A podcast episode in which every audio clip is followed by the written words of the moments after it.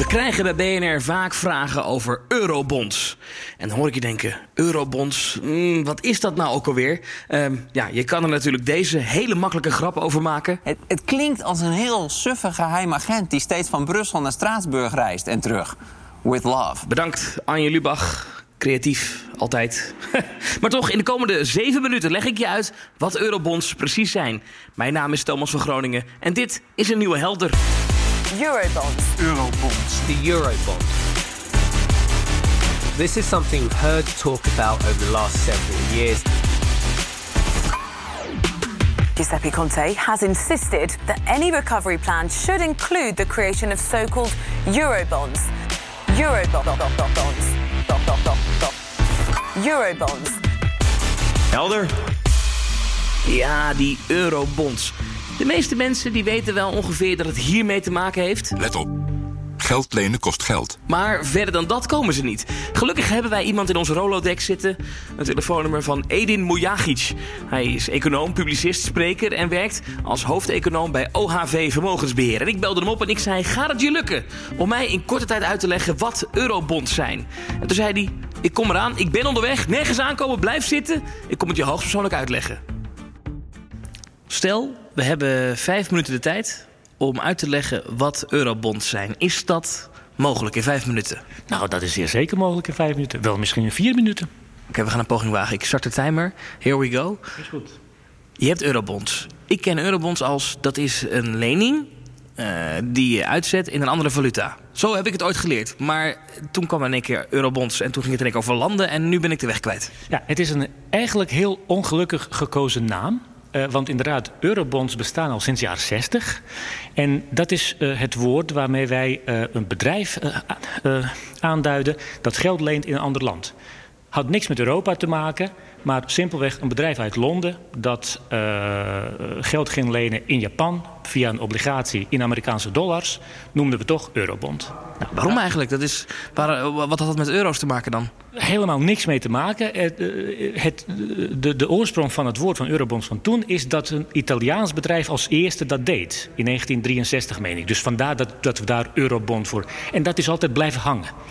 Nou, uh, wat ik net al zei, een bedrijf uit Londen dat een obligatie in Japan uitgeeft in Amerikaanse dollars, noemden we altijd eurobonds. Dat aan zich is al een beetje raar natuurlijk. Nou, maar die, die eurobonds bestaan nog steeds. Dus als een Nederlands bedrijf zegt... ik ga nu in, uh, nou, in, uh, in China uh, geld lenen... in een andere valuta, dan noemen we dat nog steeds eurobonds. Dat noemen we nog steeds een eurobond.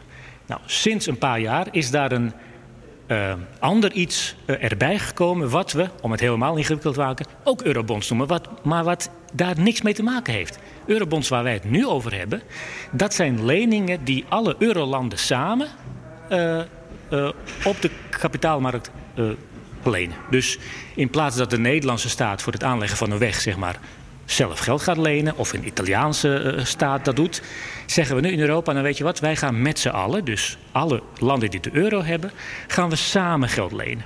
Nou, omdat dat geld lenen voor de eurozone is, lag uh, het voor de hand om het eurobonds te noemen. Maar ja, goed, het, is, het betekent dus wel iets heel anders dan eurobonds uit de jaren 60. Dus het gaat erom, een land als Italië of Portugal of Spanje heeft geld nodig. Maar kan dat moeilijk lenen, want heeft een slechte reputatie op het gebied van terugbetalen? Het, het gaat erover, Italië uh, heeft een slechte reputatie. Dat betekent niet dat het land heel moeilijk geld kan lenen. Het betekent wel dat het geld kan lenen tegen hoge rente. Vanwege die slechte reputatie zegt iemand, nou ja, ik wil jou best geld gaan lenen, maar gezien jouw reputatie vraag ik daar hogere rente voor dan wat ik bij Nederland zou vragen. En als ze dan eurobonds uitgeven, dan pakken ze eigenlijk dat die lage rente die Nederland krijgt, die pakken zij terwijl ze Italië zijn. Als we, als we, als we eurobonds gaan uitgeven, dan zegt die investeerder: Nou, nu staat ook Nederland garant voor jouw schulden. Dus dat vind ik minder risicovol en dan vraag ik een lagere rente. Het voordeel slaat dus neer bij de landen met een slechte kredietwaardigheid, zoals Italië. Die kunnen ineens tegen een hele lage rente lenen. Daartegenover is het nadeel dat de landen die een goede kredietwaardigheid hebben, zoals Nederland, die betaalt daar meer rente op. Omdat je garant staat voor de schulden van andere landen.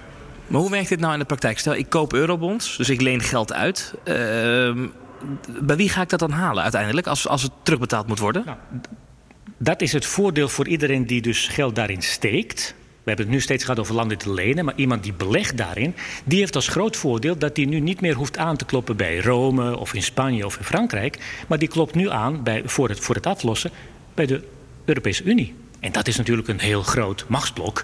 Uh, en dat maakt het voor iemand die geld uitleent veel veiliger, omdat de kans dat, dat hij of zij zijn geld niet terugkrijgt veel lager wordt.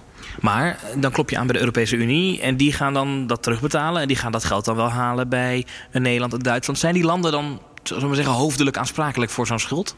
Uh, op het moment dat je met z'n allen dus geld gaat lenen, dan ben je ook hoofdelijk aansprakelijk. Dus dat betekent als de Europese Unie geld terug moet gaan betalen, dan doen ze dat uit, uit de begroting van de EU. Mocht die begroting om wat voor reden ook ontoereikend zijn, dan moeten de lidstaten bijlappen om die oude leningen, die eurobonds waar we het over hebben, alsnog af te betalen. Maar het zijn dus alle landen samen die uh, die die leningen moeten afbetalen. Niet alleen één land. En even voor het perspectief. Uh, dit gaat om hele grote bedragen, toch? Ja. We hebben nu uh, in Europa afgesproken dat we economische problemen in de hele eurozone, maar met name in de zwakke landen, die gaan we aanpakken met een noodfonds. In dat noodfonds uh, stoppen we 750 miljard euro. Nou, dat stoppen we niet in, want geen land heeft zoveel geld. Dus wat uh, Europese leiders hebben afgesproken is... wij gaan via die eurobonds gaan we samen die 750 miljard ophalen... tegen aantrekkelijke rente voor de zwakke landen. En dat geld uit dat noodfonds gaan we vervolgens doorsluizen naar de zwakke eurolanden. Nou, hun voordeel is, ze hoeven zelf niet meer te lenen. Lees, ze hoeven heel, veel lagere rente te betalen daarvoor. Maar dat is voor uh, mensen die een beetje snel geld willen verdienen, een beetje snel rendement willen maken, wel slecht nieuws eigenlijk, al die eurobonds. Nou, uh, dat is eigenlijk goed nieuws. Uh, want als je bijvoorbeeld kijkt naar de Nederlandse pensioenfondsen, die moeten een heel groot gedeelte van hun geld moeten ze beleggen in staatsobligaties. En dan niet staatsobligaties van Afrikaanse landen, maar veilige landen. Nederland is zo'n veilig land. Nou, als je nu als Nederlands pensioenfonds Nederlandse staatsobligaties koopt, dan krijg je 0% daarop. Als je straks die eurobonds koopt, dan krijg je misschien 1 of 2 procent. Is veel meer dan 0 procent.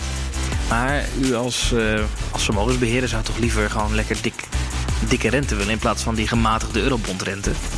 Nou, uh, ik heb liever die 2% rente dan 0% rente. Uh, in de wetenschap dat achter die eurobonds staan ook heel veel sterke landen zoals Nederland. Dus ik kan nu Nederlandse staatsobligaties kopen en rustig slapen... in de wetenschap dat ik daar 0% op krijg.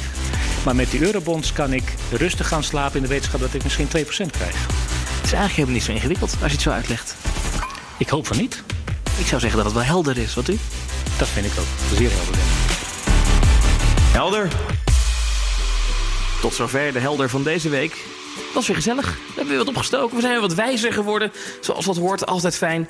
Mijn naam is Thomas van Groningen. Dank jullie voor het luisteren. Zorg dat je even abonneert of dat je hem deelt aan vrienden of kennissen of familieleden die ook graag meer willen weten over eurobonds of deze vraag ook hebben. Um, over twee weken is er gewoon weer een helder. Tot dan.